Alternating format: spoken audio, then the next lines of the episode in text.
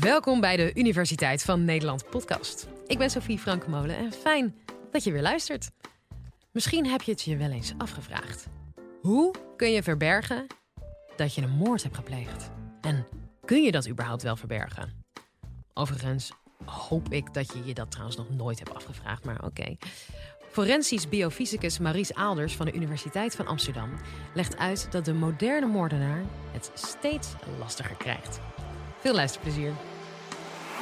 Live vanuit Club Air is dit de Universiteit van Nederland. Ik ga ehm, dadelijk wat vertellen over hoe we dingen in de toekomst gaan doen. Dus de vraag van vandaag, of van nu, is eigenlijk: hoe kunnen we in de toekomst met een heel klein biologisch spoor een complete pasfoto samenstellen?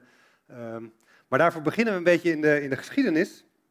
En we beginnen namelijk met een, een boek, schitterend boek, Photo Crimes. Dat is een leerboek uit iets van 1938 of 37. En daarin, dat was een leerboek voor mensen die plaatsen delict onderzochten.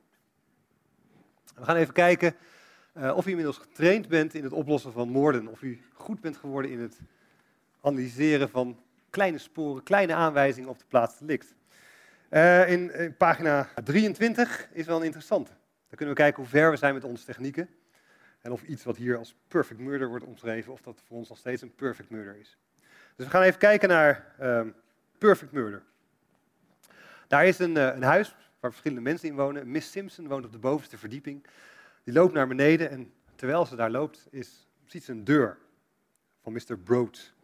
Die had de, uh, het huis op de begane grond en daar ziet ze een briefje hangen. Er staat eigenlijk, uh, steek geen sigaret op en steek ook geen aansteker aan. Of nou, aansteker hadden ze natuurlijk nog niet. Steek geen sigaret aan, light geen match, dus geen lucifer aansteken. Sorry. Dat staat er. Dus zij is totaal in paniek. Ze ziet wat, wat gebeurt daar, wat is daar gebeurd. Dus ze haalt de politie erbij. En die politie die komt uh, meteen. De deur die knelt wat. Het zijn allemaal details, let op. Maar hij gooit zijn schouder er tegenaan en beukt die deur in. En uh, de deur gaat open. En hij ziet allerlei stukken krant en stukken was ziet hij tussen die deur zitten.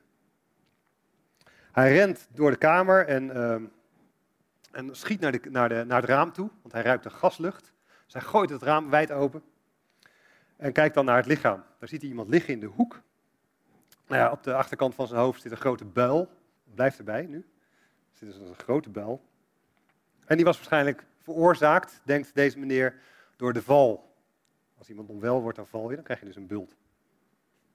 Dan gaat hij de hele kamer af. Hij ziet een paar, hij ziet een, een, een tafeltje, hij ziet allerlei voorwerpen, hij ziet een paar lucifers liggen daar, hij ziet wat stukken krant, een theelepel staat hier zelfs bij. Het is allemaal heel gedetailleerd.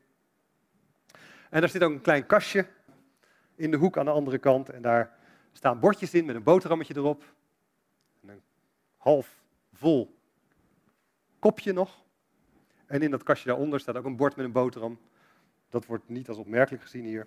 Hij leefde dus heel spaarzaam, is het verhaal. Dan is er ook nog een deur. En achter die deur hangt een, uh, een jas. En daar hangt een hoed die opmerkelijk uh, beschadigd is. En in de, uh, de zakken van die, van die jas, daar zit alleen maar stof in en een paar kruimeltjes tabak. Gaat nog goed. Uh, de klok, die was gestopt.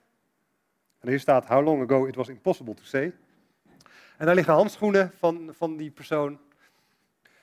Daar heeft hij alles doorzocht. Hij kijkt nog naar de schoenen van de man, staat hier. Dus dat is echt een, een moderne plaatsdelictonderzoeker, die kijkt naar al deze stille getuigen. Er waren natuurlijk ook geen, geen sprekende getuigen meer in die, uh, in die kamer. Hij onderzoekt het raam nog op krassen en dat soort zaken, maar hij vond helemaal niets. De man denkt voor twee minuten en dan loopt naar buiten. Hij doet de deur op slot, uh, belt Scotland Yard en zegt dan: Volgens mij is dit een onmerkelijk slim gepleegde moord. En nou is de vraag aan jullie eigenlijk: uh, waarom is dit een moord en geen zelfmoord? Gas staat aan. Die deur die was dichtgestopt met was en met kranten om daar geen gas uit te laten lopen. Dus eigenlijk was het een zelfmoord, het eerste idee. Het was het niet, want wat die man aantrof, was ten eerste waren de verwondingen inderdaad, dat is, dat is opmerkelijk. Maar hij trof daar lucifers aan, en geen lucifersdoosje. Hij trof ook geen sporen aan op het raam, dus de man was waarschijnlijk, uh, uh, die, had het, die, had het, die had die man vermoord met gif Bleek in het kopje gif te zitten. De lucifers lagen daar, uh, er lag, geen doosje bij. Dus waarschijnlijk was dit gebeurd door iemand anders. Die, uh, en het was, dat, dat was wat daar tussen die deur zat, dat moest verwarmd worden. Daarom lagen die lucifers daar, lag geen lucifersdoosje bij, dus dat moet door iemand anders gebeurd zijn. En die was waarschijnlijk uit het raam gegaan, had geen sporen achtergelaten. En nou ja, dat gif, die had, dat was waarschijnlijk een verdoving van de man. Dat hadden we hier allemaal uit kunnen halen, volgens dit boek. nou, uh, zou dit in onze tijd nog steeds een, een, perfecte moord zijn? We kunnen natuurlijk nu veel beter uh, bijvoorbeeld sporen van gif analyseren. De, de, toxicologie is ontzettend goed geworden. We kunnen hele kleine sporen van gif uit bloed halen. En als dit koolmonoxide bijvoorbeeld is geweest, dan konden we zien dat het bloed op de organen roder is. En we zijn nu heel ver gekomen met het analyseren van hele kleine sporen op zo'n lichaam om daar uh, iets mee te kunnen. Verder zouden we de was kunnen analyseren om een bepaalde fabrikant te vinden. En we zouden veel meer microsporen kunnen zien. Uh, dus voor ons zou dit al lang geen perfecte moord meer zijn. Nou, voor dit college heb ik wel even gezocht op internet naar de perfecte moord. Wat is nou de perfecte moord tegenwoordig nog? Nou, daar zijn ontzettend veel forums over. Kennelijk vinden mensen dat ontzettend interessant om het daar met elkaar over te hebben. Wat is nou een perfecte moord? Uh, dat gaat van lichaam oplossen in zuren in bad en dan weg laten lopen, tot aan uh, de plaatsdelict enorm vervuilen met allerlei sporen. Ga naar je kapper toe, verzamel een zak haren en spreid dat rond op de plaatsdelict. Het mooie is natuurlijk, uh, pak iemand die je niet kent, daar heb je dus geen, en, en dump hem in de Maas. Dat stond ook ergens op internet. Er zijn allerlei gouden tips voor, uh, voor het plegen van de perfecte moord. En volgens mij uh, moeten we ons daar helemaal niet mee bezighouden als wetenschappers. Dat, dat zit in, in andere hoofden. Maar wij moeten kijken naar de toekomst. Wat willen we nou over vijf jaar nog bereiken? We hebben, we hebben het verleden gezien. We hebben gezien wat we daar kunnen. We hebben de ontwikkeling van de mensen gezien. En welke grote uitdagingen staan ons nou te wachten in de toekomst? En daar wordt ook al wat druk over gespeculeerd in, uh, uh, op het internet. Natuurlijk komt dat door die programma's van CSI, waarin lijkt dat alles mogelijk is. Maar realistisch gezien, als je de huidige stand van zaken van de techniek bekijkt, wat willen we nou over vijf jaar bereiken?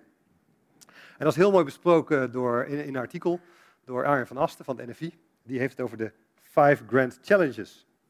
Het eerste is de vraag, een pasfoto maken aan de hand van sporen.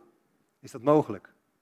Zonder dat je iemand hebt gezien, kunnen we dan een, eigenlijk een soort profielschets maken van iemand. Nou, dat wordt steeds beter mogelijk. Wij kunnen uit sporen kunnen we al de huidskleur halen, de haarkleur, de kleur van de ogen, de afkomst. En je kan dus een bepaalde schedel maken met een bepaalde haarkleur, bepaalde oogkleur, bepaalde huidskleur. En dat soort dingen, dat, dat wordt nu steeds meer mogelijk. En het is nog steeds een techniek die, die echt aan het begin staat. Maar ik verwacht zeker over een paar jaar dat het mogelijk is om met een biologisch spoor, de analyse van elementen in zo'n biologisch spoor, dat je daar een redelijk goed profiel mee kan maken, zonder dat je iemand hebt gezien. En dat is, zo, zoiets is eigenlijk al, uh, nou, de afkomst is eigenlijk al een keer gebruikt uh, in de zaak van Marjans Vaatstra. Daar was een asielzoekerscentrum vlakbij het dorp. Het eerste wat door heel veel mensen gedacht wordt, oh dat moet wel een asielzoeker zijn geweest. Ja, zo is het. En toen hebben ze aan de hand van DNA-profielen hebben ze bepaald dat het iemand uit de omgeving moest zijn. Dus daar hebben ze ook afkomst en een typisch DNA-profiel van een bepaalde omgeving hebben ze gekeken. En toen kon het onderzoek zich dus richten op, uh, op de lokale dorpelingen.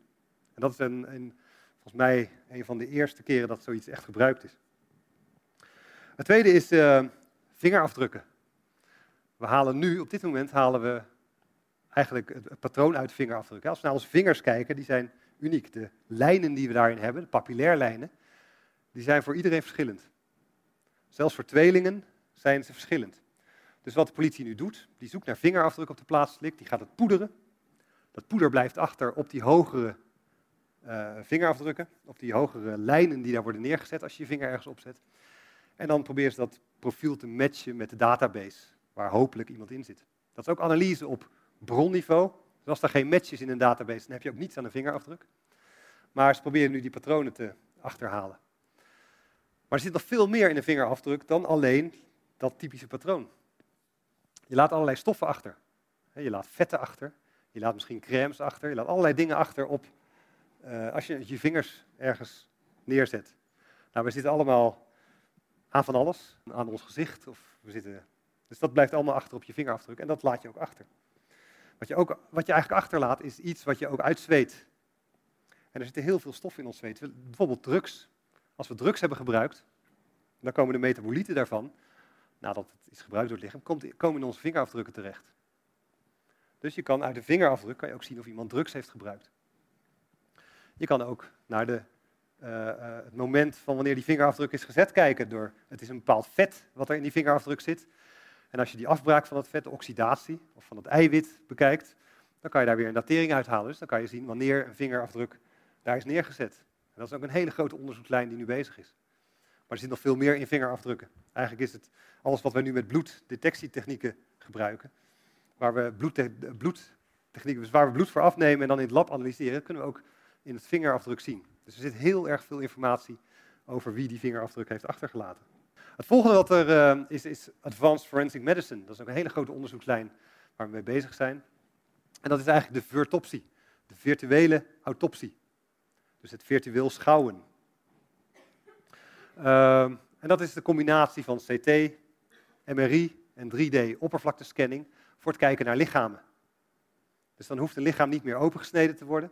En vaak nou ja, is dat, is, gooi je al heel veel materiaal, of eigenlijk heel veel aanwijzingen weg als je een lichaam opensnijdt. Bijvoorbeeld als daar gasophoping is, of als de vaten niet goed zijn en het een natuurlijke doodsoorzaak is, dan is het, heel veel, dan is het veel beter om te kijken met een imagingtechniek als CT of MRI, grote, wat we nu eigenlijk voor de, voor de patiënten gebruiken. Het volgende is de data science. Als wij rondlopen in de stad, dan verspreiden we ontzettend veel data.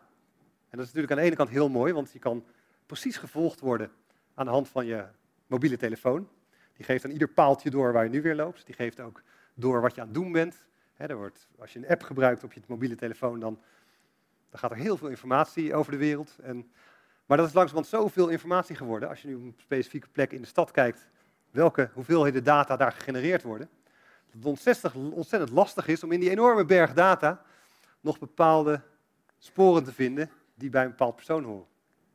Dus het analyseren van hele grote hoeveelheid data, ook belangrijk bijvoorbeeld bij kinderporno. Dus als er iemand wordt gepakt voor kinderporno, zijn er terabytes aan beelden die iemand vroeger zelf door moest gaan allemaal. Nu wordt daar een programma op losgelaten die, naar, die de gezichten matcht. Dus die kijkt naar hoeveel materiaal van een bepaald persoon is, zodat er maar één keer gekeken hoeft te worden. Dat gaat veel sneller allemaal. Dus wij genereren met z'n allen steeds meer data. En een andere is, um, dan is dus de truc, hoe haal ik mijn specifieke informatie uit die enorme hoeveelheden data? En dat is eigenlijk ook een van de grote uitdagingen um, nou, in, in, de, in de forensic science, in de, de forensische wetenschap waar we nu mee bezig zijn. Je hoorde Maurice Aalders. Ik hoop dat je het een leuke aflevering vond. En elke week zetten we twee nieuwe afleveringen voor je online. Abonneer je op ons kanaal om niks te missen. Volgende keer heb ik een college voor je over of dieren net zo muzikaal zijn als mensen. Tot dan!